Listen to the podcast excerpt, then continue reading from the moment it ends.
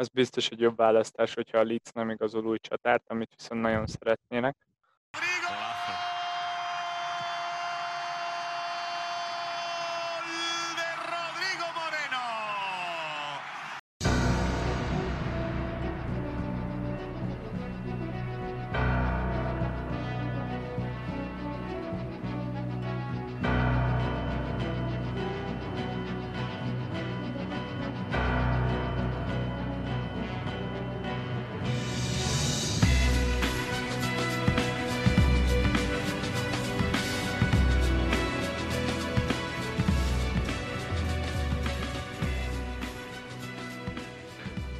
Sok szeretettel köszöntünk minden kedves hallgatót, ez itt a Fantasy Best League Podcast 12. adása.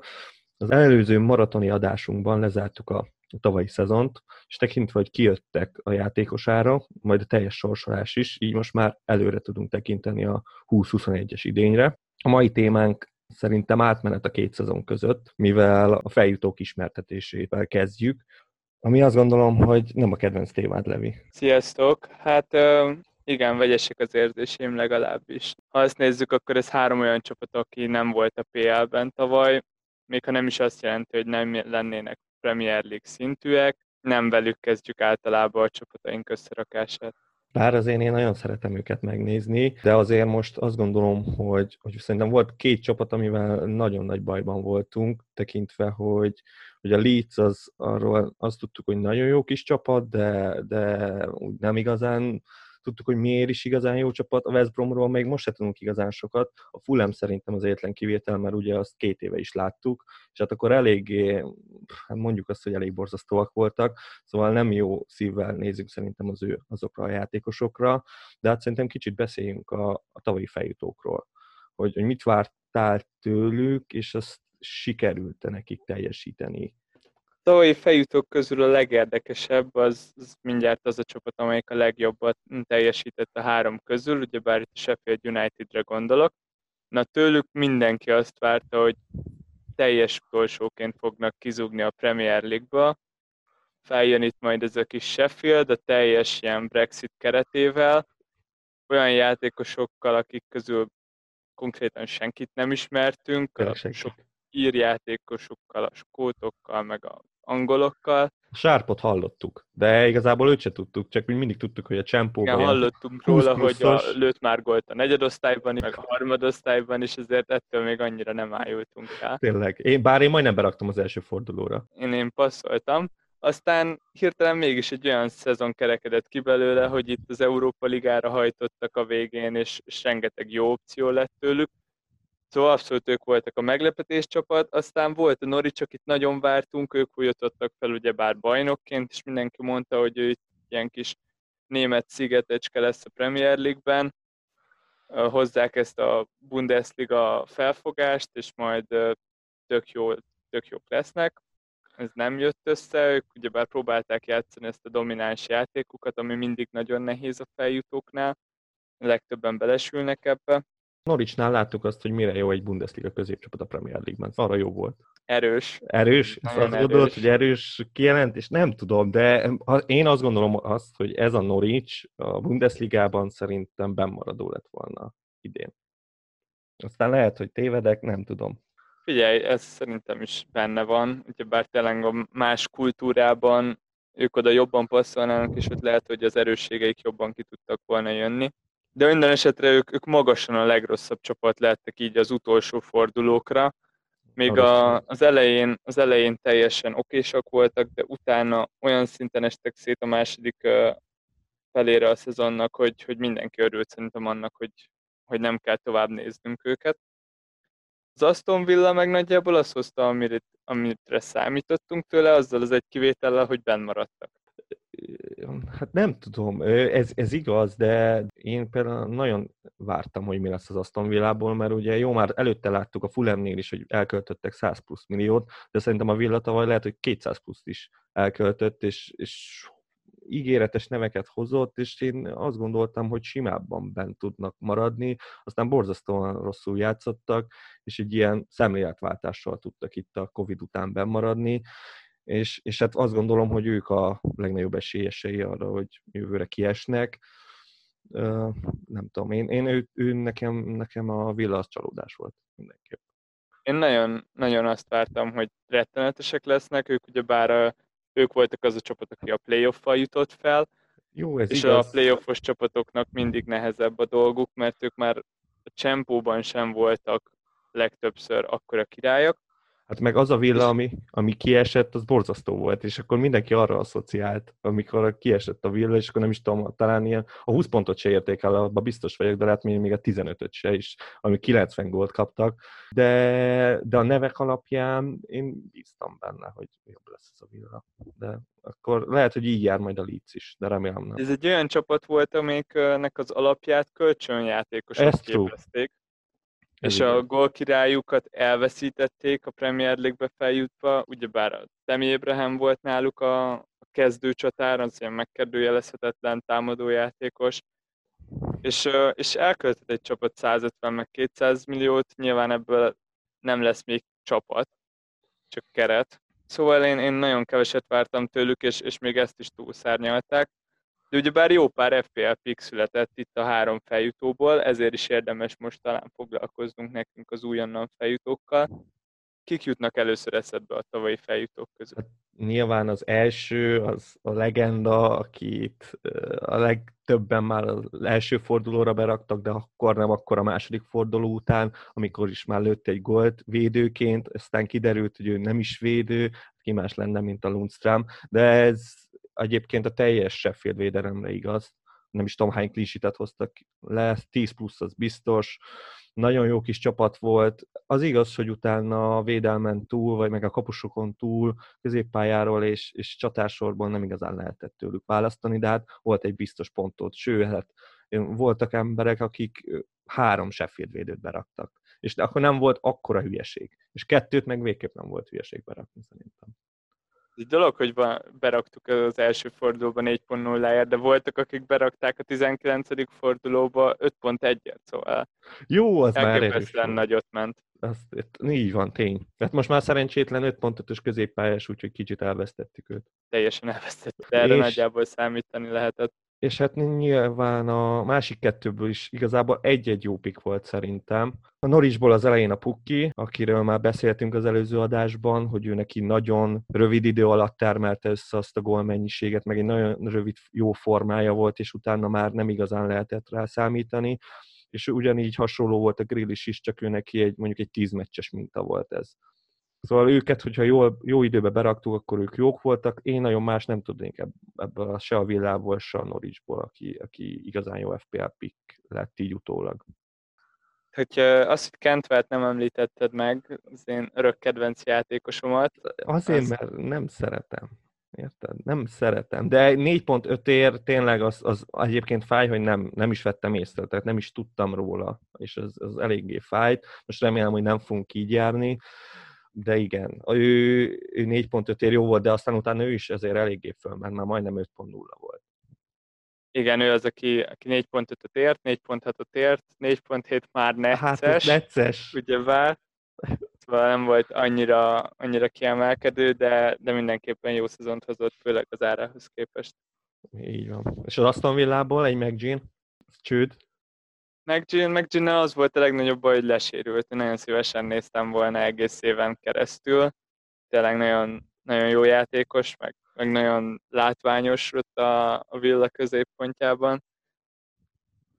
Nyilván nem lett belőle így végül nagy, nagy játékos, meg nagy opció itt FPL-ben, de, de mindenképpen néztem volna mégis, és várom a következő szezonját meg főleg az én csapatomban nézted volna még, mert szerintem ha nem sérül le, akkor még egy plusz 5 fordulat benne lett volna a csapatomban, és ez nagyon jó lett volna nekem.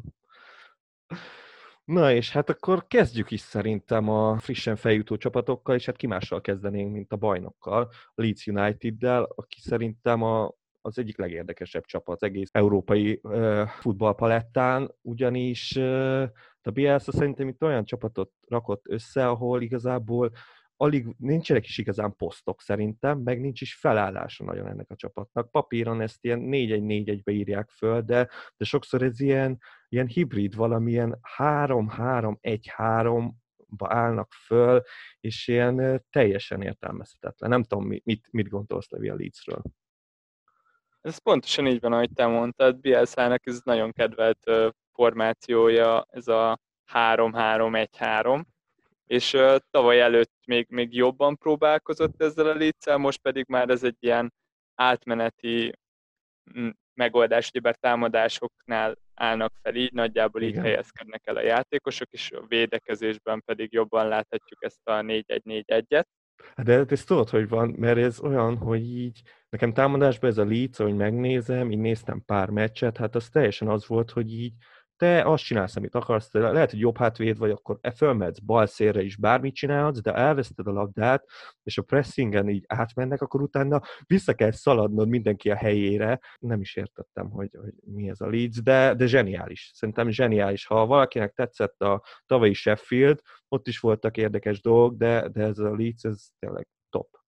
Hát nekem nagyon tetszett a Sheffield bár nem volt túl hatékony a támadó játékuk, de szerintem látványra még olyankor is, amikor nem sikerült gólt lőniük, annyira jó volt nézni, Tényleg. ahogy ott tömörültek a széleken a középhátvédek, és ott össze-vissza futkostak. Nagyon érdekes volt, és nagyon különleges. De igen, ez a Leeds, ez, ez most abszolút ledominálta a championship-et, ami nem sikerült nekik két éve, azt, azt most bepótolták, végül Bielsa maradt, nem ment el, adott még egy évet, és és nem, nem találtak így vetétársra évvégére. Nagyjából minden mutatót vezettek, szóval ez egy abszolút domináns szezon volt. Átlagban 16 lövésük volt, a labdabirtoklásban nyilván ők voltak az elsők. Volt 10 játékosuk, aki legalább három gólt lőtt. Brutális. Bár már egy nagyon, nagyon érdekes statisztika, és ez FPL szempontból lehet, hogy nem a legjobb nekünk, ugyebár azt szeretjük, amikor egy csapat ki van élezve egy pár játékosra, és nem oszlanak el a gólok, de ebből meglátjuk, hogy mi lesz. Nyilván a védelmük az nagyon jól teljesített, 35 gólt kaptak, ez a legkevesebb a ligában, de ami még érdekesebb, hogy 22 kapott gól nélküli meccset hoztak le, ami a legtöbb a top 5 ligában, hogyha mellé vesszük a championship-et is. Jó, jó, jó vagyok, hogy kicsit csalnak, igen, mert, mert hát 46 meccsük van, de igen, ez tényleg zseniális, és az a szép, hogy egyébként ezt nem egy kapussal csinálták, hanem volt vagy legalább három kapusuk, és, és itt majd igen, ez a kapus kérdés, ez nem biztos, hogy egyértelmű. Már beszéltünk most is róla. Te, te pontosan tudod, hogy ki lesz az első számú kapus? A Leedsben? Igen, igen. Az majdnem biztosra tudom mondani. A Leedsnél tavaly Cassia kezdett a kapuban, és ő játszotta a legtöbb meccset. Aztán neki lett egy ilyen nagyobb rasszista botránya, és emiatt kapott egy 8 meccses eltiltást is, és ekkor jött képbe Messlier. Valami ilyesmi, igen.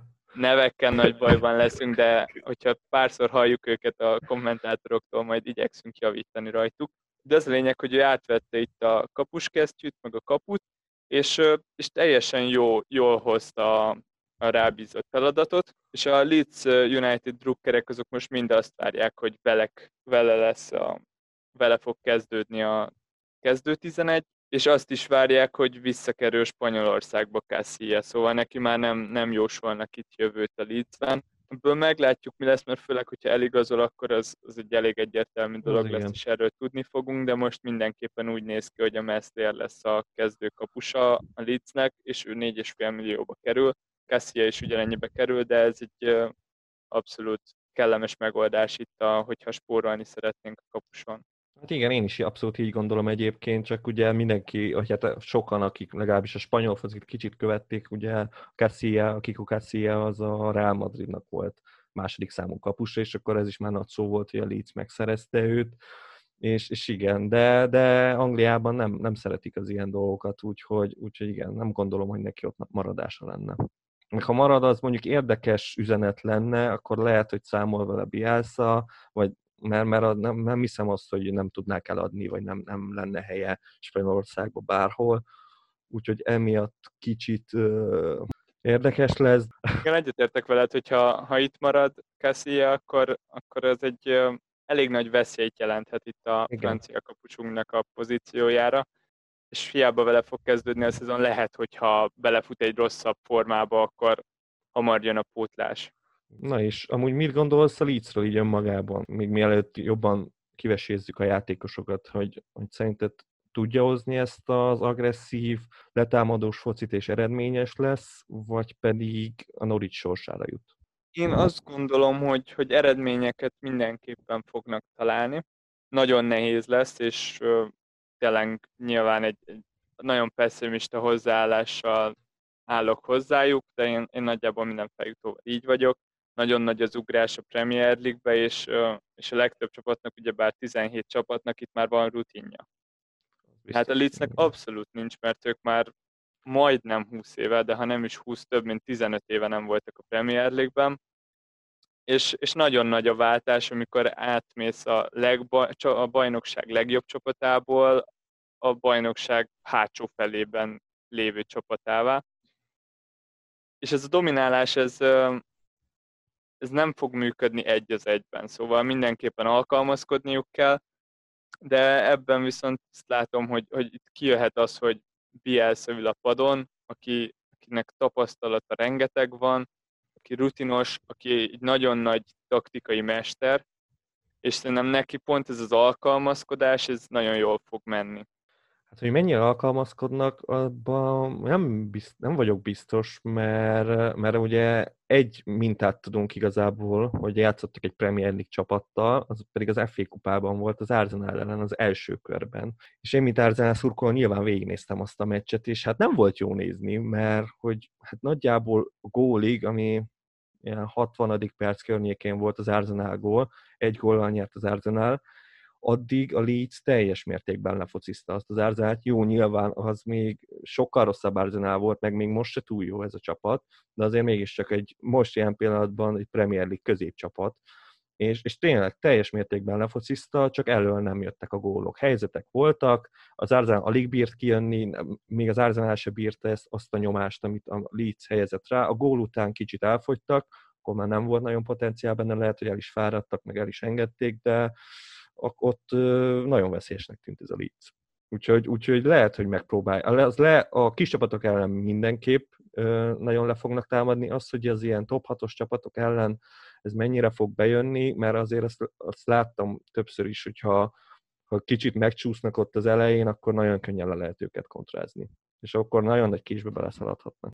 Itt az alkalmazkodással nem is arra gondoltam, hogy ők más stílussal jönnének, vagy, vagy ja. hirtelen egy bekkelésre fókuszáló csapattá válnának, nem Bielszának alapból is megvan ez a jó szokás, hogy nagyon felkészül az ellenfelekből. Ja, ez mondjuk igaz. Abszolút olyan mértékű scoutingot csinál, ami, ami talán páratlan. Ebből volt ugye bár itt a, a lámpárdos botrány is, a derbivel két évvel ezelőtt, ez az egész kémkedés, meg, meg hasonlók. De, de arra gondolok, hogy nyilván változtatni minimális szinten kell majd, mert nem fognak 60%-os labdabirtoklást hozni mindenki ellen. És, és itt gondolok arra, hogy, hogy valamilyen rugalmas megoldással szerintem képesek lehetnek arra, hogy felvegyék itt a ritmust, és, és arra, hogy akár bent is maradjanak. Én abszolút most arra számítok, hogy ők, ők bent tudnak maradni. Hát én nekem egy dolgom múlik igazából, amiről nem tudom, hogy te mennyit tudsz, én nem igazán néztem utána, hogy, hogy meg tudják-e szerezni a Ben White-ot mert ő szerintem nagyon fontos lenne nekik. Ő ugye a Brightonból volt kölcsönben a Leedsben, és elméletileg vannak tárgyalások az irányában, de, de ugye még hivatalos bejelentésről nem hallottunk. Igen, neki a helyzete az még tisztázatlan. Ő most Brighton játékos, és a Brighton az semmiképpen sem akar megválni tőle. És nagyon nehéz is lesz le, le megszerezni tőlük, mivel kettő év van még a szerződéséből, és plusz egy opció, amit a Brighton aktiválhat, szóval igazából három év van még a szerződéséből. Most ő egy elég alacsony fizetésű szerződésem van, aminél sokkal többet ajánl a Leeds, nyilván háromszor annyit, négyszer annyit, mert tényleg pár ezer fontos fizetése van. De ezt a Brighton is tartaná, nyilván azért, hogy a játékos is maradjon, de eddig kettő szerződést elutasított a Brighton-tól a White, nyilván ezek kisebb összegek voltak viszonylag talán a, Leedshez képest, és a Brighton is el, elutasított már kettő Leeds ajánlatot, a Leeds az még nem jutott el 30 millió fontig, és lehet, hogy még 30-ért se adja oda a Brighton, de az biztos, hogy 25-ért és 27-ért nem fogják odaadni. érdekes lesz, hogy ez hogyan fog kibontakozni. Nehéz elképzelni, hogy, hogy a Brighton az miért is válna meg tőle. Nyilván van az a pénz, amiért odaadná, mert, mert viszonylag könnyen pótolják, hogyha azt nézzük meg, hogy hány közép hátvédje van a Brightonnak. Ben White az nagyon szeretne a Brielsa alatt játszani továbbra is, szóval ez egy ilyen elég nagy padhelyzet, és óriási, már csak ezért is nagyon érdekes lesz a Brighton Leeds, meg a Leeds Brighton mérkőzések, mert most ez gyakorlatilag már ilyen Ben White rangadó lesz, de egyenlőre úgy néz ki, hogy, hogy nem sikerül megszerezni. Hát így viszont és pótolni kell valakivel, az mindenképp. Kell, igen, mert ő volt a legstabilabb védője a Leedsnek, ő játszott a legtöbbet, és ő is volt a legjobb védője a Leedsnek, szóval mindenképpen pótlásra vár. Hát ő azt gondolom, hogy ő, még ha marad is Brightonban, ő egy top 6-os matéria, én azt gondolom róla. Legalábbis amit így mondogatnak róla, szerintem az lesz. Igen, plegyka szinten én hallottam a Liverpoolt is, hogy érdeklődik iránta. Jó, a Liverpool azt hagyja. Elmond. Az már igen, de hagyjon már Liverpool még ilyenekkel is. Ő nekik már megvannak. Már Matip nem is játszik náluk. Nem. Nekik nem adunk védőt. A Citynek se adunk védőt, mert ők meg 60 millióért vennék meg, úgyhogy marad a többi. Igen, ez, ez, hogy mondod, a Liverpoolnak nem adunk védőt, a Brighton meg pont, hogy szívesebben adna a Liverpoolnak védőt, mert a Liverpool az nem közvetlen riválisa, ellentétben a Leeds-el. Ez, ez is egy igaz. nagy ellentétet jelent a két csapat között, hogy Tényleg. nem csak az, hogy 30 millióért eladják a Ben White-ot, hanem hogy odaadják a Leedsnek, akivel potenciálisan versenyeznek a Premier League-ben maradásért. Szóval De nem is gondoltam. Ez jogos, ez teljesen jogos. A, a tárgyalásokat. Na és kik tetszenek a Leedsből? Figyelj, hogyha már itt Ben White meg a védők, Ben White ugye bár 4,5 millió, és jelenleg Brighton játékos, de nem is számít, mert a többi középhátvéd itt az 4,5 millió körül mozog a Leedsben de 4,5 millióba kerülnek a szélső hátvédek is, akik nagyon támadóak, és mindenképpen ők azok, akik megfogják a védelemből a, a tekintetemet. Elsősorban itt uh, Dallasra és Eilingra gondolok. Dallas az 5 gól, 3 asszisztot hozott tavaly, Eiling meghozott 4 gólt és 5 asszisztot. Kettőjük közül Dallas az, aki fentebb játszik, de neki több riválisa van a keretben. Szóval itt, itt jön egy olyan kérdés, hogy inkább a biztos pozícióra megyünk, és megfogjuk Eilingot, aki, aki sokkal inkább garantáltan fogja mondjuk az összes meccset lejátszani, vagy kipróbáljuk dallas akinek szintén az néz ki, hogy a legtöbb meccsen játszani fog, de a keretben több kihívója van, hogyha esetlegesen rossz formába elkap egy rosszabb formát, vagy szériát. Hát na, ezek mind ezekkel nem is tudok vitatkozni, mind a két név nagyon jó.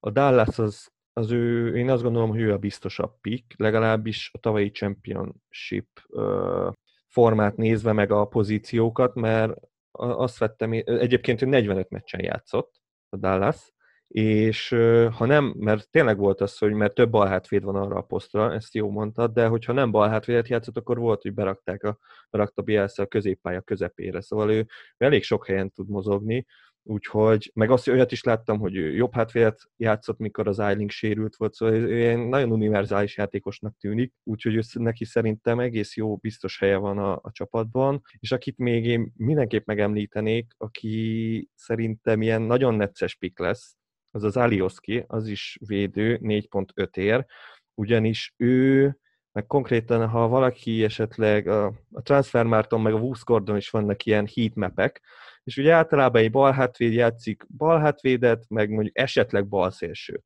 Néha jobb hátvédet is tudnak játszani. Na ez a csávó, ez játszott már életében középhátvédet, jobb hátvédet, balhátvédet, balszélsőt, csatárt, szóval minden tud a csávó, és neki is 5 gól, 3 asszisztja van, úgyhogy 21 meccsen volt kezdő, és 18-on csere, úgyhogy én őt mondanám egy ilyen olyan piknek, hogy nem mindig játszik, nem mindig fog kezdeni, ez teljesen nyilvánvaló, de őnála sokszor lehet az, hogy out of position lesz, szóval hogy simán láttam olyat, hogy ő balszélen játszott, úgyhogy ő szerintem egy ilyen gólerős játékos lehet.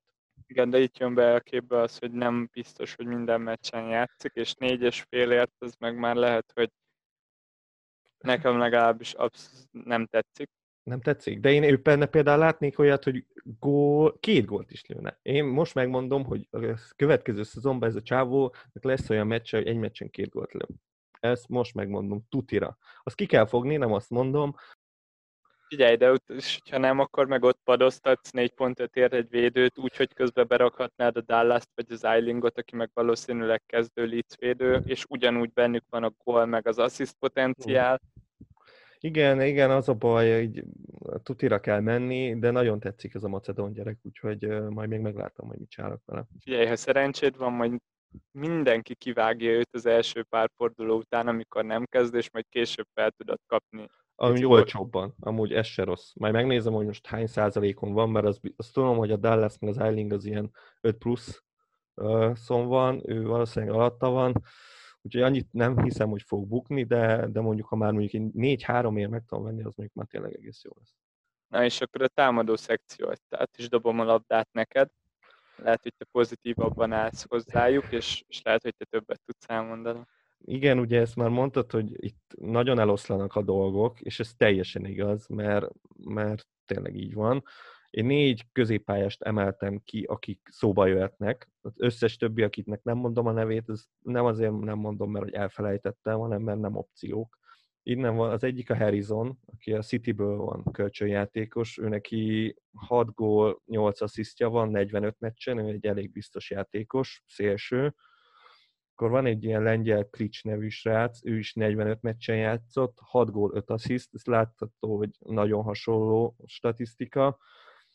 És ott van a Pablo Hernández, aki sokkal kevesebb meccsen játszott, de viszont 9 gól, 9 assziszt, ő, ő egy minőségi játékos, ő korábban Valenciában volt, úgyhogy, úgyhogy ő benne benne van a potenciál, meg nagyon, nagyon jól mozog, de, de ugye ő, ő nem hiszem, hogy minden meccsen pályára lép, és van még a Wolfsból megszerzett Costa srác, ő neki négy gól, négy asszisztja van, az összes többieknek ennél jóval kevesebb, és szándékosan nem mondtam a Calvin Phillips-et, mert ő Angliában ő neki egy hatalmas hype van, és a most felsorolt négy embernél azt hiszem az FPL játékosok jobban akarják a Calvin Philipset, mint, mint ezt a négyet, úgyhogy sokkal rosszabbak statjai. Nem is értem, tehát ez nem tudom, hogy jött ki nekik.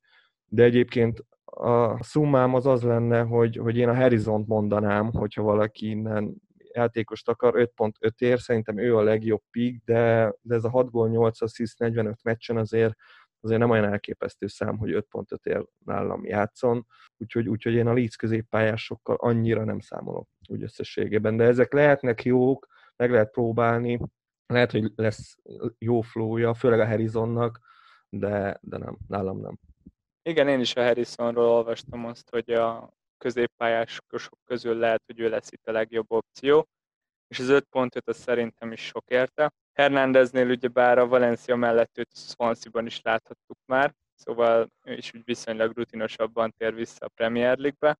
Igen. És 35 éves, ami, ami nagy hátrány olyan szempontból, hogy ha, ha jobb lenne a fitnesse, akkor ő biztos, hogy az összes meccsen kezdeni, kezdene, mert ő neki nagyon nagy szerepe van ebben a Leedsben de így is valószínűleg rengeteg meccsen fog kezdeni, mert nagyon nagy szüksége van rá. A legjobb játékos, az biztos. Igen. Szóval nála is az ár az, ami 6 millió, ami nagyon sok, és, és el, eltántoríthat minket. Aztán itt, itt van még egy, egy opció, akit, akit nem említettél meg, és hát én is csak úgy, úgy félve rakom oda egy csillaggal a neve mellett. Ez pedig itt Roberts, aki 5.0-ba kerül, és biztos, hogy nem fogjuk berakni kezdésnek. Ő egy squad player, ő egy keretjátékos jelenleg a Leedsben, de ő a csere a tízes posztra is, meg a kilences posztra is. Van.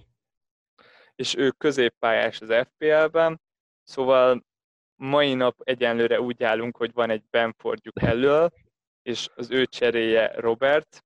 Ez még bőven változhat itt az elkövetkezendő majdnem másfél hónapban de jobb, hogyha odafigyelünk, hogy itt, itt előfordulhat egy 5.0-ás középpályás, aki csatárt játszik, vagy akár befér a kezdőbe a Hernández helyett, jó tudni róla. Igen, igen, ezt nem volt felírva, de aztán, ahogy így mondtam a neveket, és a senki más hirtelen beugrott a Roberts, igen. Ő, ő tényleg az, hogy meg kell várni, hogy lesérjön a Benford igazából, tehát mind arra várunk, és akkor tényleg elő lehet húzni. Tehát, mert nyilván, hogyha Benforddal nem történik semmi, akkor a Roberts az, azt gondolom, hogy nem opció. Nem, mert akkor nem is játszik, akkor kispados. Így van. De ha már Benford, ha már Benford... Beszéljünk egy picit a Championship Championship Hesusáról. A te, ez annyira jó ez a hasonlat. Ezt olvastad, vagy te találtad ki? Olvastam szerintem. Tehát ez zseniális. Ez teljesen így van. Ez a srác, ez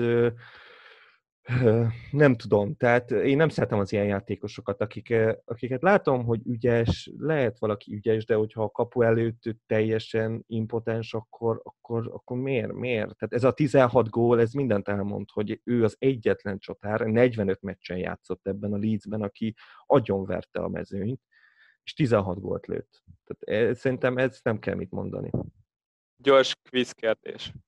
Na mennyi volt az XG-je Benfordnak tavaly a csempóban? Az XG-je? Meccsre lebontva? Ugye? Nem, hanem összesen mennyi összesen? gyűjtött össze. Itt ugyebár nem a 90 perccel lebontott adatot, hanem hogy összesen hány XG-re lőtt 16 gólt. Hát most, ha így mondanom kéne egy számot, az legalább mondjuk egy 25-ös XG-t azt simán kinézek. 25, 25, ja, 25. A 25-ös XG-t mondani. Na ezt gondoljátok át ti is, és majd picit később megadom a választ, mert ez, ez érdekes lesz. Messze vagyok? Nagyon messze vagyok? Igen. Na igen, szóval ez a Benford gyerek, tehát ha most ezt magyarra lefordítjuk, hát mondjuk azt, hogy, és akkor pozitívak vagyunk, szerintem egy 9 gól, 9, 9, 9 gólra számíthatunk talán a PL-ből, és akkor mondom, pozitív vagyok, szerintem. Neki ugyebár van már az öve alatt 24 Premier League meccs, és ezek alatt sikerült egy gólt lőnie. Ezt még ugye érdemes odarakni. Jó, igen, de mondjuk ilyen csere volt, meg ugye ő Chelsea, hát nem nevelés, mert Chelsea, vagy nem tudom, hogy nevelése, de a Chelsea-nél így nehéz így neveléseket mondani. Chelsea begyűjtött, és akkor mindenhova kölcsön van adva, de most azt hiszem a Leeds-nél most véglegesen van, vagy itt is kölcsönben van? Igen, nem, nem, itt, itt ezért ennyire nem népszerű, hogy, hogy a Leeds csak kölcsönbe tudja megszerezni. Ja, jó, jó. Jelenleg ő úgy van kezelve Angliába, hogy ő egy nagyon jó championship csatár, és most ez egy ilyen vízválasztó szezon lesz, hogy mit tud kezdeni magával a Premier League-ban. Hát én szkeptikus vagyok vele szemben, de, de hát ez megváltozhat. Még egy gondolat a leeds kapcsolatban, amit, aminek legtöbben nagyon fogtok örülni. Itt uh, hogyha azt mérjük, hogy egy edző az mennyire megbízható, mennyire adhatunk a szavára, mennyire vehetjük komolyan a sajtótájékoztatóját, akkor itt a skálának az egyik végén van Guardiola, és a skála másik végét ezt a Leeds United menedzsere Bielsa adja, aki messze földön híres arról, hogy beharangozza a kezdő 11-eit napokkal a meccs előtt, és utána tényleg ki is állítja azt a 11-et, szóval itt nagyon érdekes lesz azt figyelni, amiket ő mond, mert ő nem játszik, ő nem pókerezik, ő nyitott lapokkal játszik, és ez nagyon jól fog jönni nekünk. Hát ennek valószínűleg köze van az angol nyelv tudásához is, de lehet, hogy nem, lehet, hogy csak szimplán ilyen jó fej, meg, meg lehet, hogy ő is így ilyen fantasy játékokat játszik, és csak jó fej akar lenni, tehát nem az a, a, a diákból tanár, aki szivat, szóval szerintem egy abszolút kedves, kedves öregember.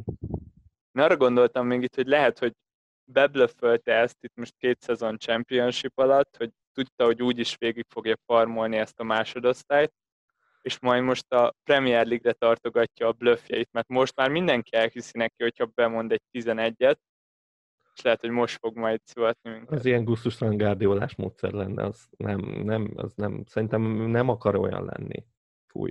Ne. Ugyebár tudjuk, hogy Guardiolának meg Bielszának nagyon szoros kapcsolata Azt van, biztos. és Guardiola egy olyan szintű mentor figurát lát benne, és sok nagyon nagy edző van ezzel még Igen. így, többet. Pochettino, meg Simeone is áhítattal nézik Bielszát, szóval ezért is a Leeds-et követni idén, az élvezetes lesz, bármilyen lesz a szezonjuk. Az biztos, hogy szórakoztató lesz. Meg én nagyon szurkolok nekik, tehát tényleg. Hajrá Leeds!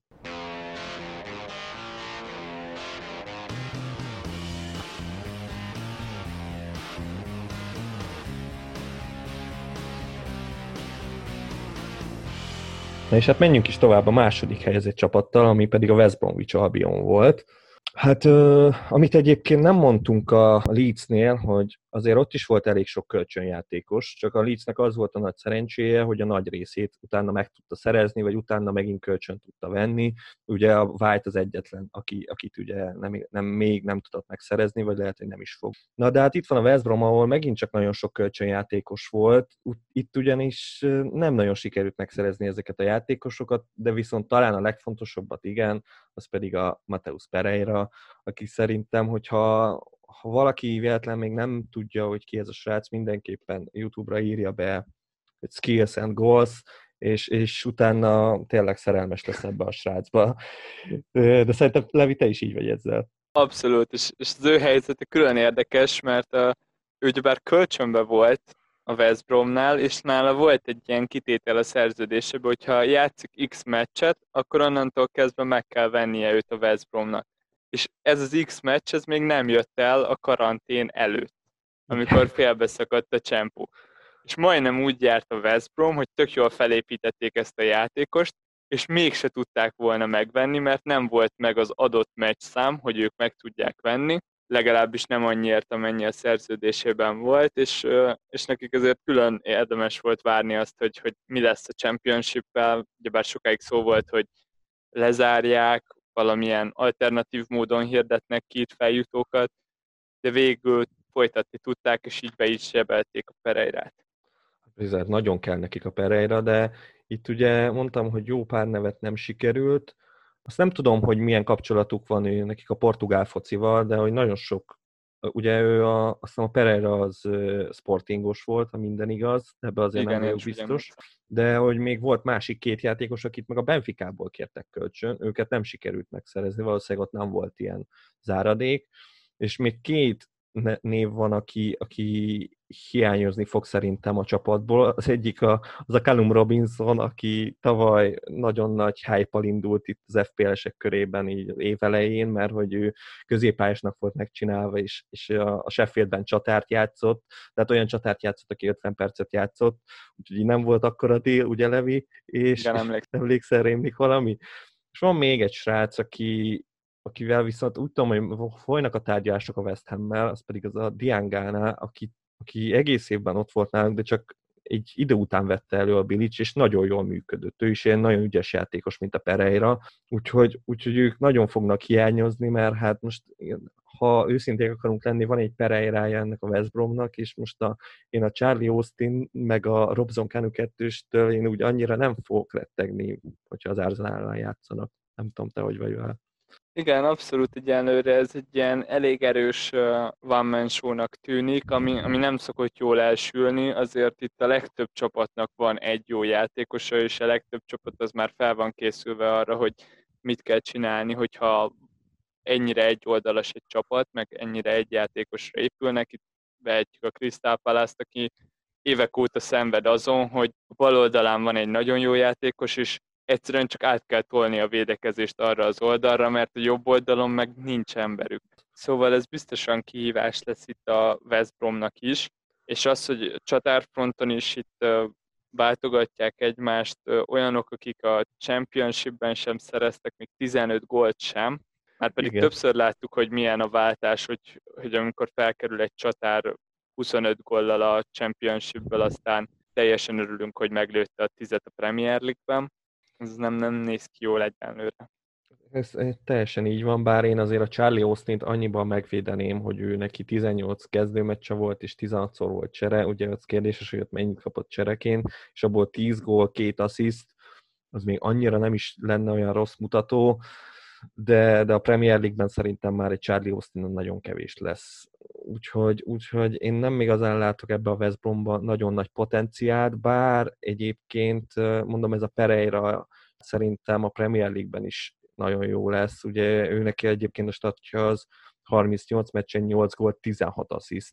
Szóval elképesztő a srác, és egyébként ha ugye még nem mondtuk, hogy a West Bromnak a, a Bilic az edzője, az a Bilic, aki meg a West Ham-et irányította egykor, ahol is egy bizonyos Dimitri pályáinak volt egy elképesztő szezonja, és kicsit emlékeztet rá ez a Pereira, és, és lehet, hogy a Bilic így nagyon jól ki tudja a jó játékosokból hozni a extra teljesítményt. Igen, én amúgy nagyon, nagyon szívesen gondolok vissza a Bilicre, abszolút egy ilyen szimpatikus karakter volt, akiről viszont azt gondoltam, hogy ő soha az életben nem lesz még egyszer Premier League menedzser, ott azután, hogy a West Ham-től elment. Szóval ez egy Látod. váratlan és meglepő fordulat számomra. De én örülök neki. Én is abszolút szívesen látom, és, és ez se hátrány, hogy a West Bromnak a, már van ilyen szempontból Premier League tapasztalat, ugyebár ez nagyon sokszor kijön ez, hogy megvannak-e azok a játékosok, akik már voltak a Premier League-ben, az, az edző esetleg, más közeg, számít a rutin, sokat számít.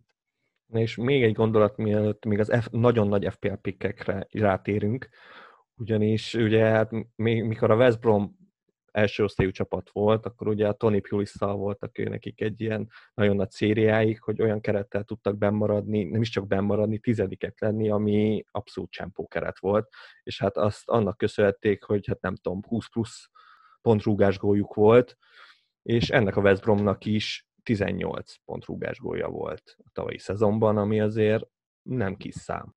És ez mindenképpen pozitív dolog, mert ezt át lehet ültetni simán az első osztályra is, bár itt hétről hétre látunk csapatokat, akik a BL-ért mennek és képtelenek levédekezni egy szögletet, Chelsea, Manchester United, mondhatnánk az Arzenát is, nem még mondhatnánk, vagy öt csapatot, akik félelmetesen rosszak pontrugásból, értetetlen módon, mert ez egy abszolút tanítható, meg fejleszthető dolog, meg egy olyan dolog, ami, amire egyes csapatoknak kimondott emberei vannak, Úgyhogy, úgyhogy ez, ez még egyenlőre nincs ennyire elterjedve a Premier League-ben, szóval itt simán lehet, hogy nagy előny lesz számukra. De abban biztos vagyok, hogy ez a West Brom, ez egy stabil csapat lesz, tehát hogy küzdeni fog a bennmaradásért. Lehet, hogy elbukik, de, de ott lesz a vonal környékén. Tehát ilyen nagy földbeállást én nem várok tőlük.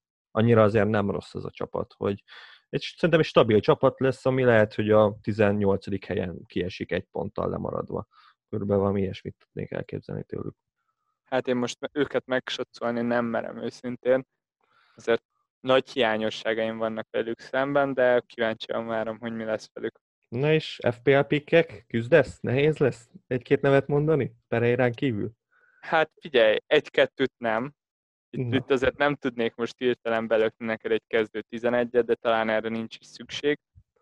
Érdekes statisztika velük kapcsolatban, hogy 45 gólt kaptak, ennél csak a Brentford meg a Leeds kapott kevesebbet, szóval ilyen szempontból állhatunk pozitívan a védelmükhöz. Abszolút, és úgy, hogy az, az előtti szezonban, amikor hasonlóan jól teljesítettek, mert most 83 ponttal jutottak föl, akkor 80 pontjuk volt, és akkor még nem a Bilic volt az edző, akkor 62 gólt kaptak.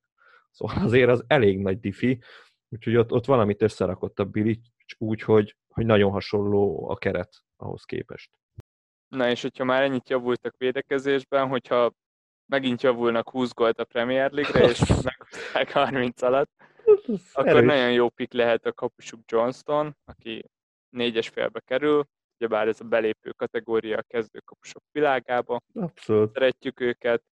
Meg elméletileg 11-es ölő. Tehát, hogy hallottam ilyet, nem is tudom, két, két tizit egy fogott a csempóban, bár mondjuk azért az 46 meccsen nem egy olyan nagy szám, de tényleg így lesz, mint annó a Cardiffban volt az Etheridge, akinek vagy három büntetővédése volt, úgyhogy rövid időn belül, akkor hajrá. Igen, itt a büntetővédések nagyon sokat számítanak, mert Igen. ezzel általában bezsákolják a bónuszpontokat, aztán védéspontok azok legtöbbször jönnek ezeknek a gyenge csapatoknak, a kapusainak, szóval el lehet rajtuk gondolkozni. Nyilván azért nehéz, amikor, amikor vannak itt már évek óta Premier League-ben játszó kapusok ugyanennyiért, szóval nagy a verseny, de 4,5-be kerül, szóval elgondolkozhatunk rajta. A védelemből igazából itt két ember van, és csak az egyiket tudnám ajánlani. Na. Akit ajánlanék, az Bartley, ő itt az egyik középső hátvédje a West Bromnak. Ő is négyes félbe kerül, pont úgy, mint Johnston. Na, ő 38 meccsen szerepelt, szóval elég biztos a helye a keretben, és ezen két gólt, meg két asszisztot sikerült összehoznia. Ez nem sok, itt nem is annyira a támadó potenciált kell megfizetni, hanem hogyha valaki azt gondolja, hogy ez a West Brom ez jó lehet valamire, vagy esetleg jó szériája van gyenge csapatok ellen, akkor négyes félért ő az, akit innen választani tudunk. Én is, bár mondjuk, mondjuk ő is exárzanálos volt, de hát sokkal inkább exárzanálos a Gibbs, de, de ő neki nincs annyira tuti posztja ott a back poszton, ugyanis, ami mondjuk ezt elfelejtettem mondani a West Bromnál, hogy van egy-két nagyon stabil játékos, akik ilyen 40 plusz meccset lejátszottak a csempóban, de utána mögöttük ilyen 30-20 meccsekkel vannak, úgyhogy szerintem, hát jó, még a csempóban kell is a rotálás, de nem tudom, hogy ezt mennyire folytatja Bilic majd itt a Premier League-ben, mondjuk a kerete az elég sovány, de, de azért így is lehet, hogy meg tudja csinálni a rotálásokat. De igen, tehát az tény, hogy a, a Bátinál én se tudnék jobbat mondani, és azt az ISG nevű kimondhatatlan srácot, aki 5.0, azt nem igazán tudjuk, hogy miért 5.0, azt már beszéltük itt Levivel, talán azért, mert 5 gólt lőtt és 0 asszisztot adott, nem tudom, nem tudom hogy az, abban mi, mi volt a ráció, hogy azt, azt 5.0-ra rakták. Igen, 5, 5 lőtt gólért azért az nagyon kell, Nagyon erős megadni neki az 5.0-át. Legalább akkor lenne egy vonzó védője a West Bromnak, akire azt mondod, hogy jó lehet, hogy találni fog majd gólokat, akár 4.5-ért, de 5.0-ért abszolút szerintem senki nem fog elgondolkozni rajta. De hogyha már itt gipszezel, akkor most már én is belököm végleg, hogy a Johnston, az pedig Manchester United volt, szóval jó, tudom, tudom. Rém lett, hogy valamelyik nagy csapatból jött, gondolkoztam is rajta, de nem, nem mertem. Én gondolkoztam, hogy Liverpool vagy, vagy United, vagy piros mez rém lett, de jó. Oké. Okay. És ha jól emlékszem, akkor a West Bromnak egy kapusa van jelenleg a játékban. Jelen pillanatban szóval... igen. Szóval ő, ő neki nincs nagyon ezt nem tudom, hogy hogy sikerült ezt az egy kapust így belőkni. Hát biztos van cserekapus. Jó, gondolom, az kölcsönben volt, és akkor elment, és most Tarcsiból kéne valakit fölhozni, de hogy kit hozzanak föl. De arra már rá kéne googlizni, annyit Igen, meg már nem ér. Annyit meg már nem ér, hagyjuk a picsába. Inkább legyen egy kapus, és akkor az úgy jó lesz. Na hát középpályán a Pereirán kívül én nagyon nagy bajban vagyok. Tehát, hogy vannak nekem ilyen kedvelt, igazából egy kedvelt játékosom van még a Pereirán kívül, az a Matt Phillips, de az 5.5 ér annyira nem opció, hogy nem tudok róla beszélni. Ha 5.0 lenne, akkor lenne az, hogy így lehetne így álmodozni róla. 5.5 ér, még álmodozni se tud szerencsétlenről. Szóval úgy, hogy 6.0 a Pereira. Nem tudom. Te tudsz valakit mondani? Hát figyelj, Grosickinek a neve nagyon tetszik. Az nagyon szóval jó mindenképpen figyelni fogom, meg Liverpool 5.0-ért. Spurs legendákkal jössz már megint, nem kell, nem, nem, nem, nem, nem. Nem, én se tudnék senkit mondani, és a legrosszabb, hogy még 4.5-ös játékosuk sincsen. Nincs. Tehát, hogy így... Aki játszana, hogy így legalább valami érdekeset mondjunk itt a mezőnyben, szóval nem mehetünk is a csatárokra, mert, mert okosabbak nem nagyon leszünk. Igen, de az a, baj, az a baj, hogy a csatároknál se leszünk nagyon okosak, tehát ott is elmondhatjuk, hogy ők váltják egymást, elmondhatjuk, hogy nem is tudom, hogy mind a kettő tíz gólt lőtt az előző szezonban, de nagyon mást nem igazán tudunk róluk elmondani, mert ők is ez az 5.5 még itt is annyira felülárazza mind a kettőt. 5.0-ért lehetne az, hogy na van egy 5.0-ás kinda kezdő csatár. Az már olyan lenne, hogy jó, oké, talán jó, de ez 5.5 már megint borzasztó. Úgyhogy a Leedsben van egy Benford, aki tuti kezd egy jobb csapatban. Jó, elmondtuk, hogy milyen a Benford, de, de még ő is jobb választás mind a kettőnél. Az biztos, hogy jobb választás, hogyha a Leeds nem igazol új csatárt, amit viszont nagyon szeretnének. Az 5.5 ez egy nagyon érdekes árkategória, bár ez az 5.0 már annyira olcsó, ezt tavaly láttuk a, a Muszénál, hogy, hogy, hogyha netán csinálnak valamit két-három meccsig, akkor meg már elképesztően jó választásnak bizonyulnak. Szóval nem merték megadni kezdőcsapatnak ezt, ezt a luxust, de 5.0-ért meg senki nem fogja őket berakni. Ugyebár 10 gólos championship csatárokról beszélünk. Hát még akkor tudnám elképzelni az egyiket, hogyha lenne egyértelmű kezdőcsatár. Tehát, hogyha most kimondjuk, hogy a Robson Kanu nem tudom, 30 plusz meccset játszik, akkor még talán el is gondolkozok rajta. Mert akkor még lehet, hogy jobb statisztikákkal jön ki a szezon végén, mint a Benford. Mert igazából ott, mert én nem, nem is tudok más 5.5-ös csatát, jó, lehet, hogy van azért, mondjuk a Shane Long, de ő is nagyon játszik, szóval mindegy, de akkor talán, de így, így nem. Érdekes, mert a feljutó csapatok közül a West Brom lőtte a legtöbb gólt, Ez bár itt van, volt ez igaz. versenyben a leeds ott, ott meg elég sok öngól volt, hogyha jól emlékszem. Igen, igen, igen. Elég érdekes, hogy mégis így, így vergődünk, de úgy, ahogy mondtad, a West Brom az általában 4-2-3-1-be szokott játszani, van. vagy szokott még 4-3-3-ban játszani, de ez mind a kettő egy csatáros felállás, és erre az egy helyre van kettő féljátékosuk, amit mind FPL menedzser utálunk, szóval szerintem ez nagyjából ennyi. Igen, szóval itt tényleg a Pereirát kell megjegyezni, őt még akár a legelején is be lehet rakni, én azt gondolom, Levi biztos, hogy azt mondaná, hogy ne, de, de az a srác tényleg annyira nagy a potenciál benne, hogy, hogy, hogy szerintem, szerintem el lehet rajta gondolkozni.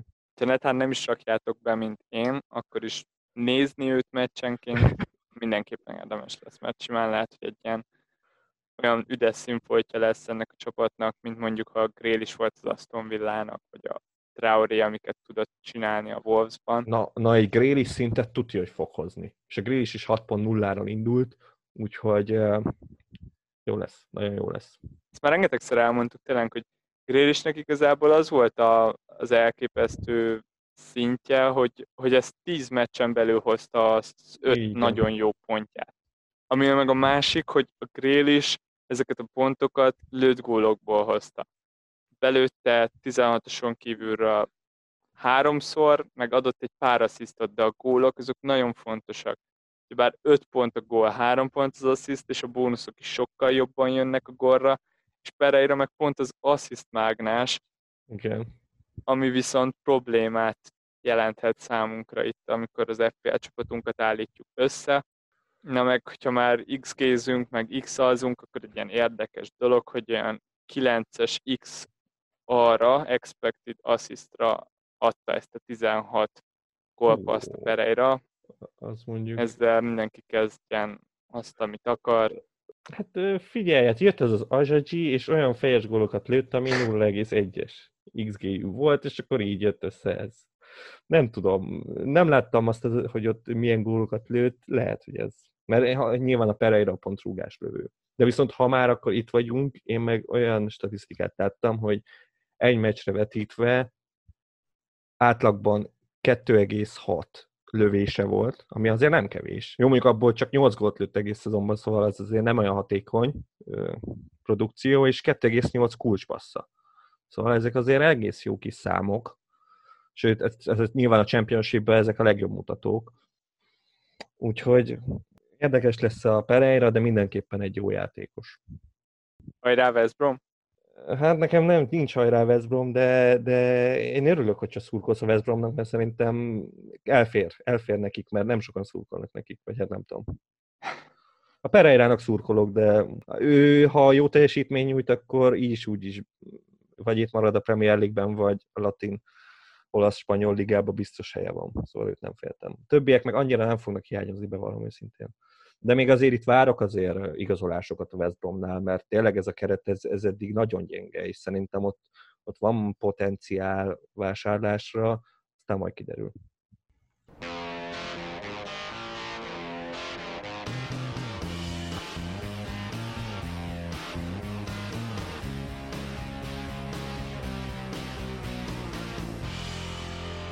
Na és akkor most jöjjön a Championshipnek a harmadik legjobb csapata, aki fej-fej mellett ment a Leeds United-del, meg a, meg a West Brom-mal.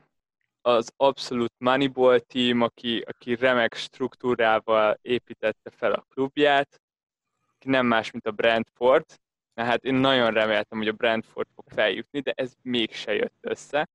És így nem a Csempónak a harmadik legjobb csapata jutott fel, hanem a negyedik, a Fulham. És mit szóltál ehhez az egész playoffhoz, playoff döntőhöz, kinek drukkoltál, mert mondom én, mint említettem, én abszolút a Brentfordot vártam. Hát én is mindenképp a Brentfordot vártam, annak ellenére, hogy én nagyon szimpatizálok a Fulemmel, mint csapattal, nyilván a Gerazoli miatt is, meg ugye egyébként is szerintem egy szimpatikus csapat, de, de aztán nyilván annyira nem bánom, annak nagyon örültem, hogy ők játszották a playoff döntőt, így, így nem fogok akkor csalódni. Mint a Cardiff volt, meg a Swansea, hát két teljes vakcsapat, így, így azért egész jó, de, de a Brentfordra sokkal kíváncsi. Tehát arra nagyon kíváncsi voltam, hogy mire lesz képes itt a, itt a Premier League-ben, de, de hát remélem, hogy még, még láthatjuk egyszer őket. Én abban bízok, hogy a Brentford az most azt fogja csinálni, amit a Leeds csinált, hogy egy ilyen bukás után, ilyen playoff elbukása után ott marad, és, és ott marad, mint legjobb csapat, és utána behúzza, és én tényleg rájuk nagyon kíváncsi leszek a Premier League-ben, és, és várom őket. Hát reméljük, hogy nem vásárolják szét őket, mert ott azért ott az a hármas a csatársorban az, azok nagyon értékes sportékák, és, és hát vadásznak rájuk a Premier League csapatok, aztán, hogy megszerzik-e, azt nem tudom. Na de hát beszéljünk a Fulemről, mert azért megérdemlik, mert szoros volt a döntő, szerintem, azért ez egy kiki meccs volt, azért bebizonyosodott, hogy nem annyival jobb az a Brentford, mint a Fulham, és, és hát jó az, hogy milyen gollal jutott föl a Fulham, az már egy más kérdés. Briannek az biztos, hogy, hogy jót tett a nívóján, mondjuk nekünk nem biztos, mert így valószínűleg ez, emiatt lett a két gólya miatt 5.0-ás védő, így azért nem annyi a kecsegtető, mintha négy pont feles lenne. Hát úgy, ahogy mondod, annyira megdobta ez a, az ő nívóját, meg a hype-ját, hogy kiütötték őt az FPL-ből, és ha csak nem fog a posztján kívül játszani, akkor, akkor nem fogunk elgondolkozni rajta, mint opció, és ezt, ezt bánom meg, meg sose szeretem az ilyet, amikor itt egy meccsen, egy meccsen megváltozik valakinek a megítélése. Mondjuk ezt meg kell adni neki, hogy így már három gólja és hét asszisztja volt, ami, ami már tényleg jobbnak néz ki, mint a többi opció. De hát igen. Na de hát, hogy mit tud a Fulham? Hát egy masszív labdabirtoklásra építő csapat.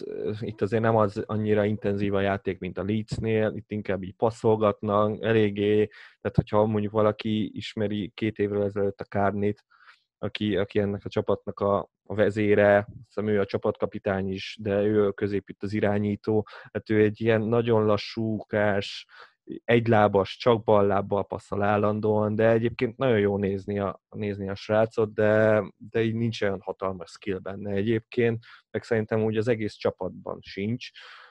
Remélem, hogy kicsit jobban összeszedik magukat így a Scott Parkerrel, mert, mert tényleg két éve borzasztóan gyengék voltak, 81 gólt kaptak egész szezonban, hát ez valami botrányosan gyenge volt. És nem sokat változott a védelem azóta, az a szomorú, Úgyhogy kicsit szkeptikus vagyok ezzel a full kapcsolatban. Én, ha tippelnem kéne, őket mondanám totál utolsónak következő szezonra. Igen, akkor megpróbálom megfogni a pozitív oldalát. Itt említetted ezt a rengeteg kapott gólt.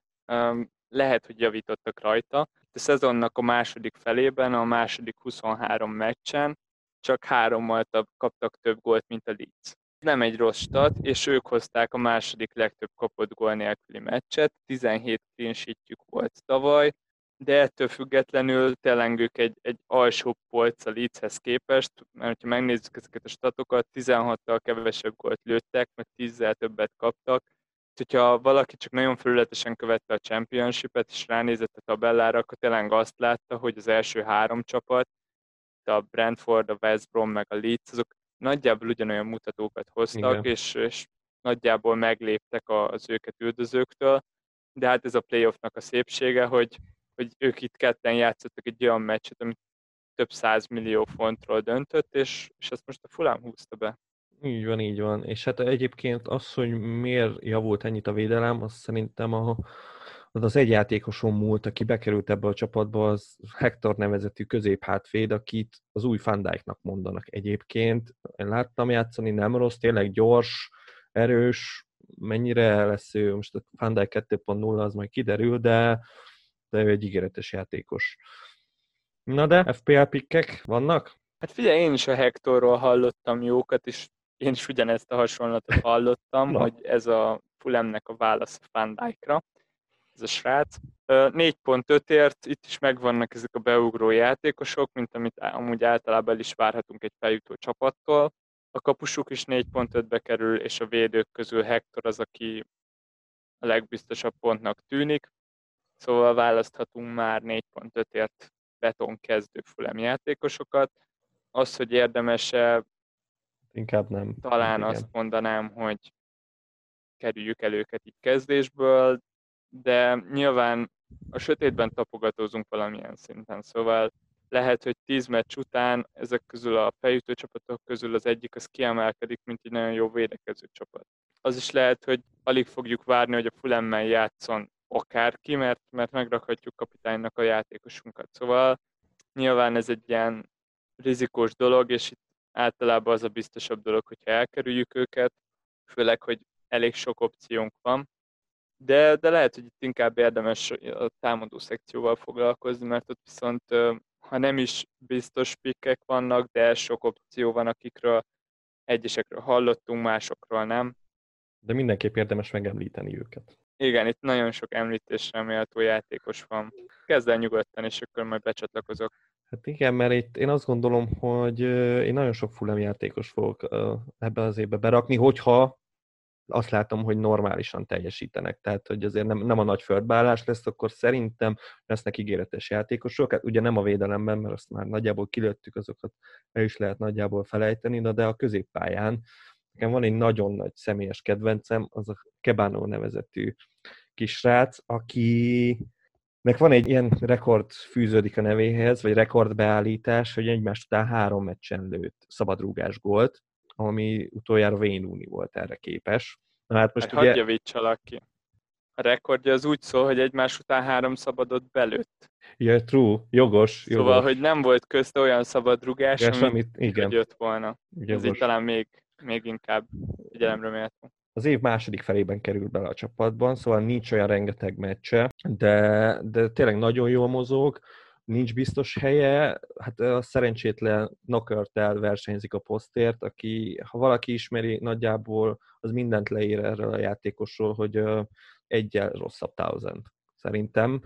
Befele ez jobb szélső, ballábas is lő, de nagyon rosszul lő. Tehát, hogy rettetesen rosszul lő. A Brightonnak se kellett, és akkor itt ide a Fulhamhez kötött ki. Úgyhogy a Kebano szerintem egy, egy nagyon jó pick. A másik, ugyanígy 5.0, az pedig az Onoma, aki pedig hát támadó középpályás-szerű játszik a csapatban, és ugye Mitrovic hiányában néha a csatát is játszott, de itt van még egy játékos, akit meg kell említeni, amennyiben Mitrovic lesérül, akkor az pedig a Kamara, aki még két éve négy és feles csatárként volt megcsinálva, most 5.0-ás középpályásnak van megcsinálva, ami most nem tudom melyik a jobb opció, de nekem tetszik ez, hogy 5.0-ás középpályás, és tényleg lehet, hogyha ha Mitrovic lesérül, vagy bedarál valakit, és kap három meccses eltiltást, akkor, akkor lehet, hogy, hogy arra a három meccsre lehet, hogy nem rossz pick lesz. Na, itt jó sok név elhangzott, és a legtöbb az olyan volt, aki nekem is tetszett. Itt a Kebánónál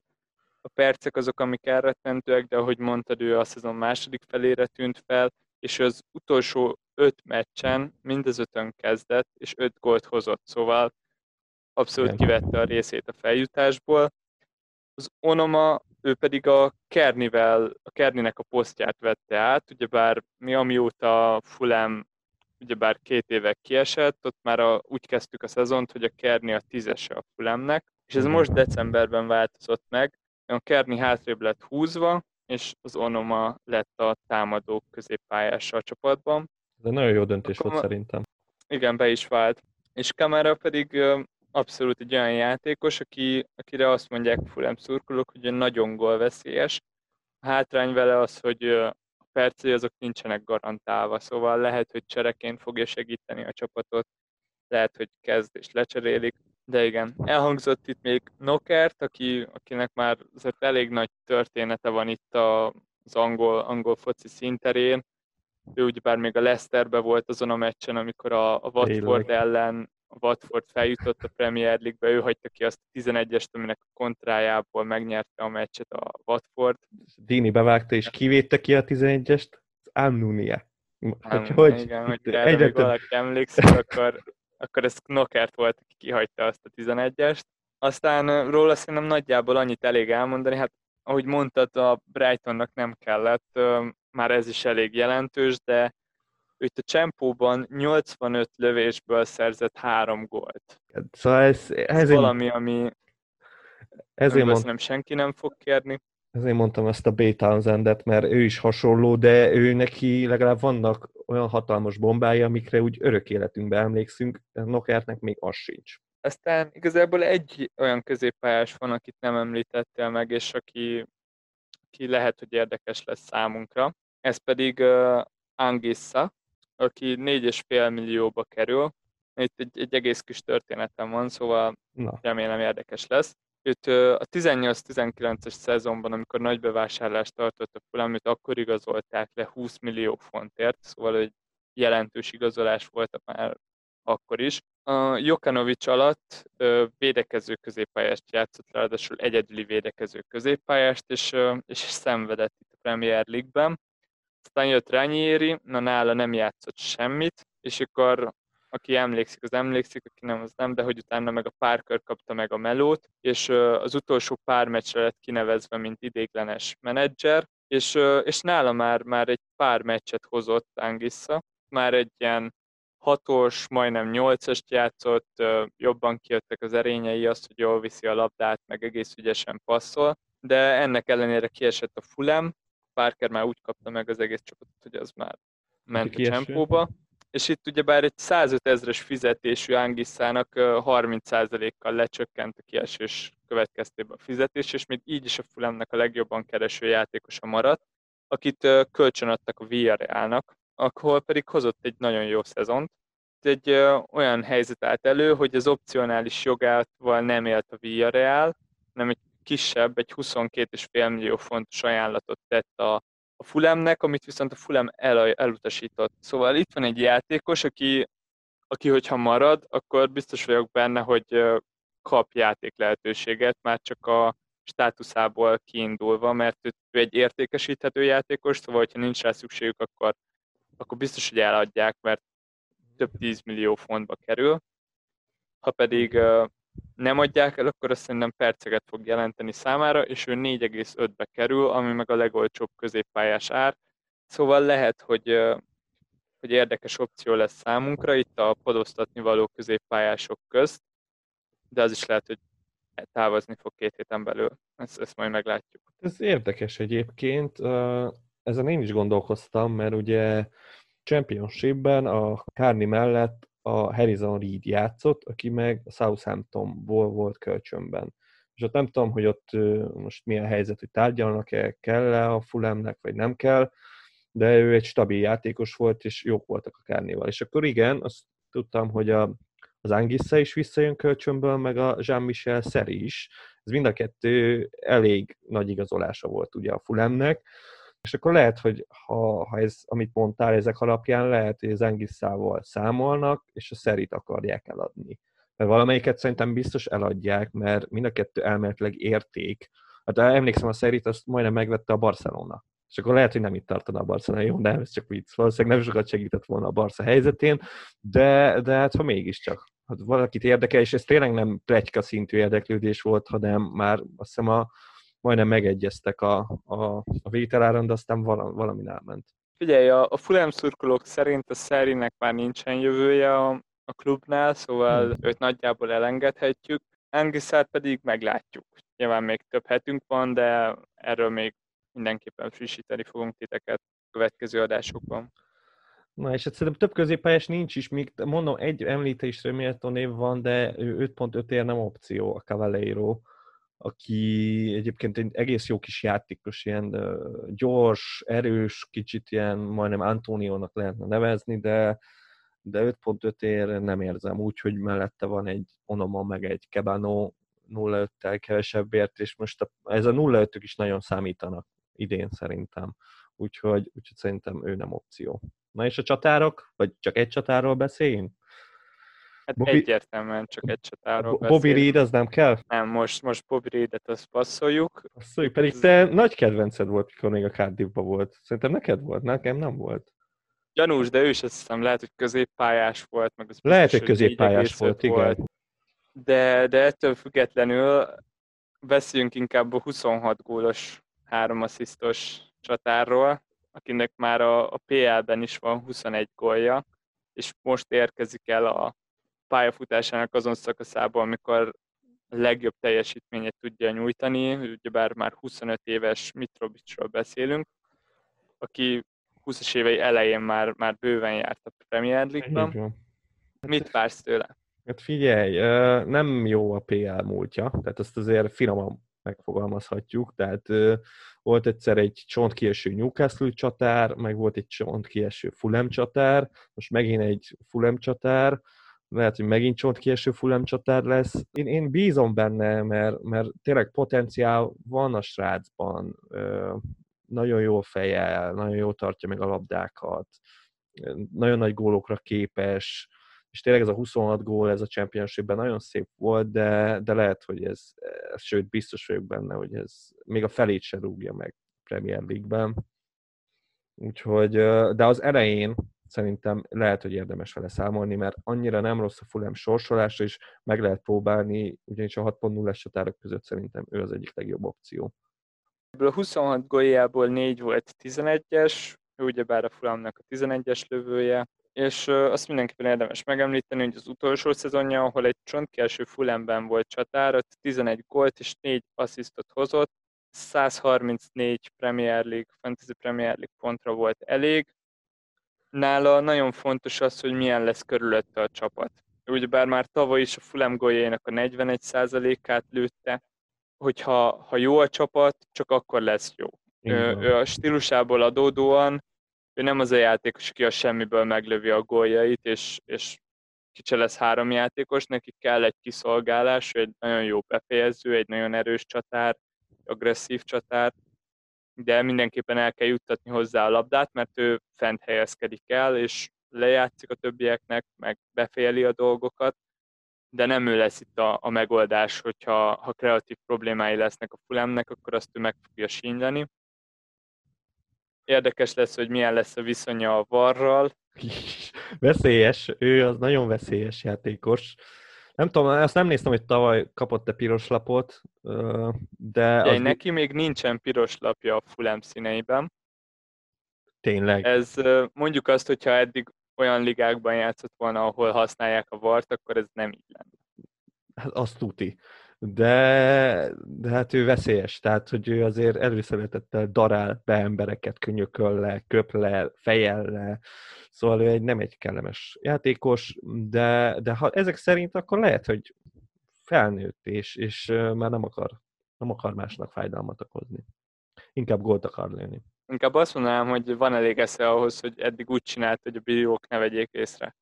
Szóval ja. ezt nem, nem mondanám, hogy megért, és most már nem lenne jellemző rá az, hogy a Champo Finalba lekönyököli a védőjét, mert ez ugyanúgy megvan, csak ott ugyebár nem volt ez a kamerarendszer, és nyilván azért sokszor láttuk még ezt régebb a Premier League-ben is, amikor nem volt a var, hogy kinéznek a játékosok, csekkolják, hogy látják-e őket, és akkor utána jöhet a sunyiskodás. Na hát eddig ezzel tudott élni, ez most el fog veszni tőle, de nagyon nagy kérdés, tényleg a legnagyobb kérdés felkapcsolatban az, hogy milyen lesz ez a Fulham középpálya.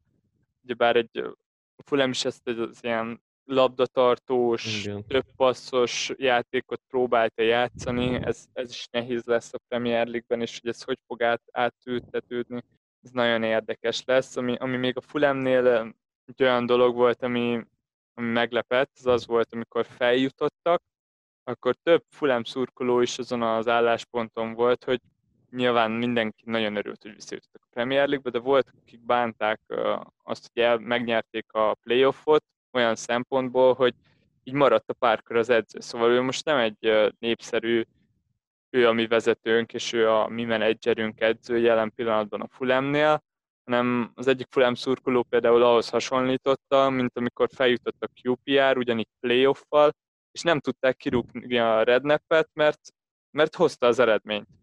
És hogyha hozza az eredményt, akkor egyszerűen muszáj ott hagyni, nem lehet azelőtt leváltani, hogy feljutotta a csapatot a Premier League-be. De ez és számomra... ugyanezt történt a Parkerrel is. De, de mi bajuk a Parkerrel? Tehát én nekem ez nem világos teljesen. Tehát én nem, ez nincs meg, hogy ez a Fulham szurkolók ennyire utálják a Parkert. Hát figyelj, én ezt most meg nem mondom neked, hogy pontosan mi a bajuk velük, mert nem láttam 46 Fulham mérkőzést tavaly, de azt tudom, hogy nem szeretik. Ez durva. Ez, ez, ez most kicsit meglepett, mert én meg azt hittem, hogy a Parker egy ilyen egy, egy stílusedző, így nem tudom, így Angliában ő így el van könyvelve, hogy ilyen sok passzos játékkal dolgozik.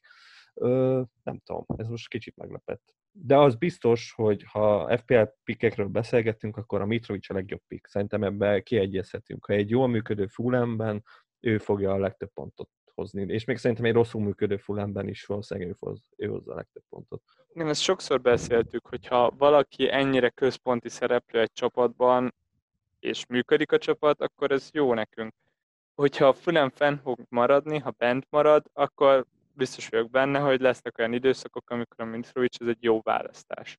Tuti. Kérdés, hogy mennyire hiszünk abban, hogy a Fulham fent marad, és hogy meg tudjuk elovagolni azokat az időszakokat, amikor esetlegesen jó pik lesz. Én még csak annyit tudok elmondani, hogy visszanéztem a két évvel ezelőtti szezonban, amikor fent volt a Fulham, hogy nagyjából mégis milyen, milyen kapcsolatom volt velük itt a Premier League-ben, a Fantasy Premier League-ben, és uh, meglepően tapasztaltam azt, hogy négy játékosuk is bent volt, mondjuk arról tudtam, mert Mitrovic, a Kamera meg a Kérni is bent volt, és ők, és ők meccsenkénti egy pontos átlagot tudtak lerakni nekem az asztalra, szóval emiatt lehet, hogy kétszer is meggondolom azt, hogy berakjam el őket én is. Hát igen, nekem, nekem öt játékosom volt, én mindig a kis csapatoknál rá tudok rakni egy lapáttal rá, szóval ott azért ott, ott nagyon veszélyes, és bevallom őszintén nem teljesen tudom, hogy ki volt ez az öt játékos, az, tudom, hogy a Mitrovic az valami hét fordulón keresztül volt bent, és ilyen borzasztó átlagot hozott, meg, meg a Ryan babel a végén próbálkoztam, és csőd lett az egész, szóval igen, nekem is elég rossz a kapcsolatom a Fulemmel, de, de most én nagyon gondolkozok az első fordulón a Mitrovicsal, az bevallom őszintén.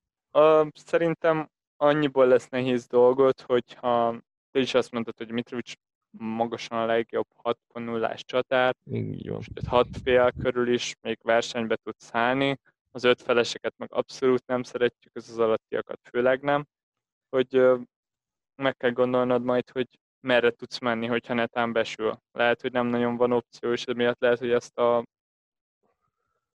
azt az árkategóriát, ezt érdemesebb lehet kihagyni. De ez, erről már még biztosan beszélni fogunk. Erről biztos fogunk, és, és azt, azt is, hogy nagyon nehéz azt az árkategóriát kihagyni, de, de erről tényleg fogunk szerintem már a következő adásban beszélni. Még egy pár statisztikát gyűjtöttem ki itt, a, ha már a feljutókról beszélgetünk. 97-98-ban esett meg utoljára az a csúfság, hogy a három feljutó csapat közül mind a három ki is esett. Az igen. Ez igen. Szóval most is a, azokról a csapatokról, akikről hallottatok, nagy eséllyel elmondhatjuk, hogy itt, itt meg fog ragadni valamelyikük a Premier League-ben. Aztán megnéztem, hogy a fogadóirodák nagyjából mit, mit sejtenek, hogy hogy fog kinézni ez a kiesési harc, és itt elég biztosak abban, hogy a, a Fulham meg a West Brom az részt fog venni ebben, méghozzá őket okay. tartják itt a legnagyobb esélyesnek arra, hogy kiessenek. És nagyon érdekes, hogy a Leeds, a Leedsnél hat csapatnak is kevesebb az esélye arra, hogy bent maradjon, és nyolc csapatnak pedig nem nagyobb az esélye arra, hogy bent maradjon. Az Ugyebár azért, mert a Sheffield Unitednak és a Brightonnak is ugyanannyi esélyt adnak a fogadó irodák, mint a Leeds Unitednek. És akkor ki az a hat csapat most már? tényleg. Akinek kevesebb esélye van a Burnley, a Palace, a Castle, az Aston Villa, a West Brom és a Fulham ebben a sorrendben. Hát ez uh, elég érdekes. Én se számítok egy elképesztő Burnley szezonra, de azért uh, stabilabb csapatnak gondolom a Burnley, mint ezt a Leeds de, de tényleg a Leedsben benne van az a potenciál, hogy top 10-es csapat legyen már az első szezonjában, benne van, de az is benne van, hogy földbe áll. Szóval ott, ott, ott nagy a, az a skála, míg a, tényleg a Fulhamnél, meg a West Bromnál is azt gondolom, hogy, hogy a maximum az lehet, hogy éppen, hogy benn maradnak. És, és az biztos, hogy mind a kettő nem marad bent. Tényleg azért jó pár gyenge csapat maradt meg tavalyról, és, és itt a Palace-ra gondolok, meg az Newcastle-re, akiknek, akiknek változtatniuk kell ahhoz, hogy ne, mit szídod a Newcastle-t állandóan? Hol Nem szabad szídni a Newcastle. Newcastle az egy jó csapat. Fúj jó, ben fog maradni. Száz százalék biztos, hogy még hogyha nem változtat, akkor is benn marad. Mert a keret... Bevallom engem nagyon aggaszt, hogyha valaki statisztikákban alul teljesíti a Norwichot. És, és, és ez a Newcastle ez, ez tény. simán minden mutatóban a legrosszabb csapat volt a ligában, és úgy, hogy a Norwich mindent megtett a végén, hogy, hogy, ezt a kevés dolgot, amit felépített, azt lerombolja itt a szemünkben. Nem tudom, én nem tudom elképzelni, hogy kiessen a Newcastle-be valami szintén. De lehet, hogy azért, mert nagyon pozitívan állok hozzájuk. Tényleg nagyon rosszak a Ezt én sem tudom elképzelni, de ettől függetlenül nem is várom Benne azt, van. hogy ne, ne kelljen küzdeniük a bennmaradásért, és, és azt is várom, hogy jobban kelljen küzdeniük, mint idén, mert uh, idén vicc volt, hogy milyen simán maradtak bent, ahhoz képest, hogy milyen teljesítményt nyújtottak. Az mondjuk lehet, hogy igaz, hogy a Palace Newcastle kettősből az egyik kiesik most idén. Már nem bírják tovább ezt a történetet, de azon se lepődnék meg, hogy tényleg megint maradna mind a kettő csont simán. Szóval ők, ők, de én a Palace, Palace nem sajnálnám, akkor már inkább a Palace. Palace azt én csak Hodzon miatt sajnálnám, őt bár nagyon szeretem, és örülnék, hogyha úgy szállna le arról a kispadról, hogy megünnepelnénk azt, hogy mennyi éven át tartotta bent ezt a rettenetes palászt. De már így is megünnepeljük. Tehát, hogy ez, ez így ugyan, van, ez, ez, ez abszolút igaz. Ugyanúgy, mint hogy a Pulisben tartotta a West Bromot há- három éven keresztül, ő ben, azt megcsinálta. Tehát az, hogy most a negyedik évben már nem sikerült, hát vannak határok. Ezt megadom neked, ez igaz, de tényleg amit a, a Palace hoz, meg amit, a, amit művel így keretépítés tekintve, meg átigazolások kapcsán, nyilván az eddig őket igazolja, mert mindig benn maradtak, de, de szerintem ez, egy, ez nem maradhat büntetlenül sokáig. Akkor a végére egy tipjáték, melyik három csapatot mondod kiesőnek? A sorrendet is ez megmondhatod. Most, jó, ez most nehéz lesz olyan szempontból, hogy nem gondoltam át, szóval ez most egy ilyen hirtelen érzésre fog Az a legjobb.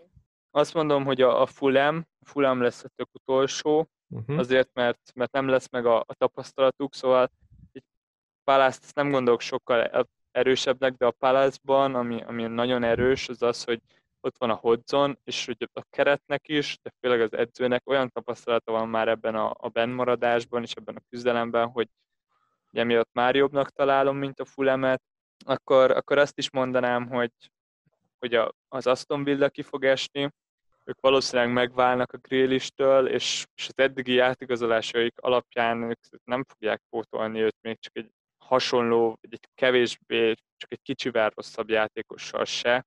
Olyat olvastam múltkor, ez neked nagyon tetszeni fog, hogy a Kentfellel akarják pótolni a Kélist. Ez zseniális lenne.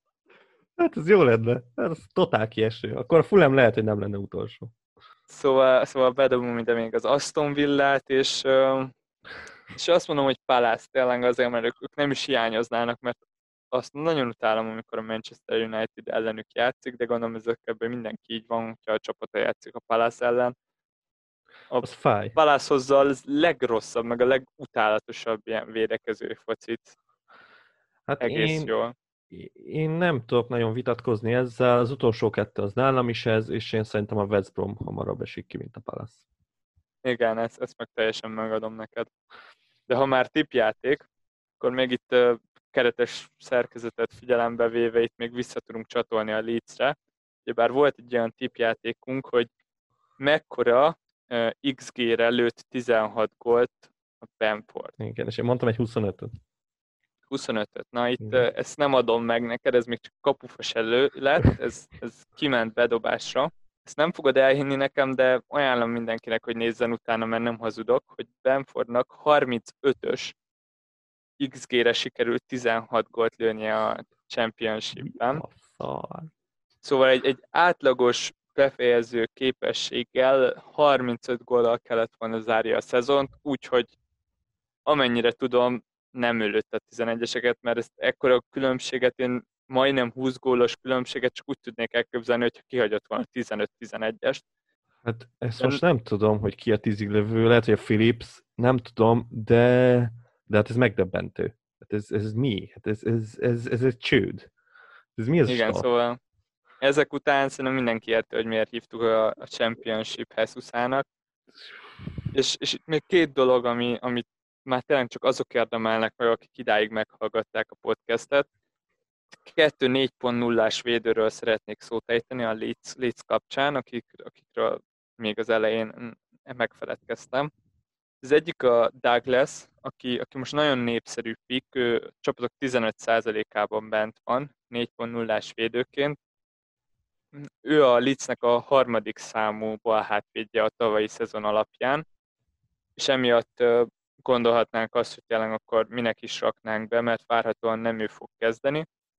és ezért én nem is raknám be, mert tényleg én nem várok tőle sokat, de ő a legtöbb tapasztalattal rendelkező balhátvédje a Leedsnek, szóval lehet, hogy a szezon későbbi részeiben még szóhoz fog jutni. Igen, Robertson előtt ő volt a skót válogatott balbekje, azt hiszem. Szóval itt 4.0-ért őt érdemes figyelnünk, és még egy olyan igazolás, akinek, aki mellett ott van egy pár ha, Truik, ne hát ezt a nevet is biztos, hogy nagyon rosszul mondtam ki, de nem is számít. Az a lényeg, hogy ő is 4.0, és jelenállás szerint, hogyha a Leeds United nem igazol középhátvédet, amit nagy valószínűséggel fog igazolni, hogyha nem a Ben White-et, akkor mhm. valaki mást, akkor Struik fogja a Cooper mellett játszani a belső középhátvéd szerepét. Na, ezt, ezt nem scoutoltam ki, de gondoltam rá, de valamiért nem kerestem meg, mert igen, én is abba bízok, meg, meg remélem, hogy azért vesznek egy középhátvédet, de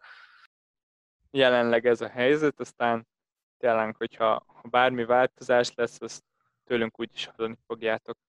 Mindenképp. Na és hát vég, végéhez értünk ennek a megint csak elég hosszúra sikeredett podcastnak. Egyszerűen nem tudunk röviden beszélni még a kiesőkről sem, pedig tényleg próbáltunk. Még annyit megemlítenék így a podcast végén, hogy megújítottuk a ligánkat, úgyhogy szerintem a podcast leírásban is, meg, meg Facebook oldalon, mindenhol Discordon, majd látni fogjátok a kódot és csatlakozzatok, és hát köszönjük már a figyelmet. Sziasztok! Sziasztok!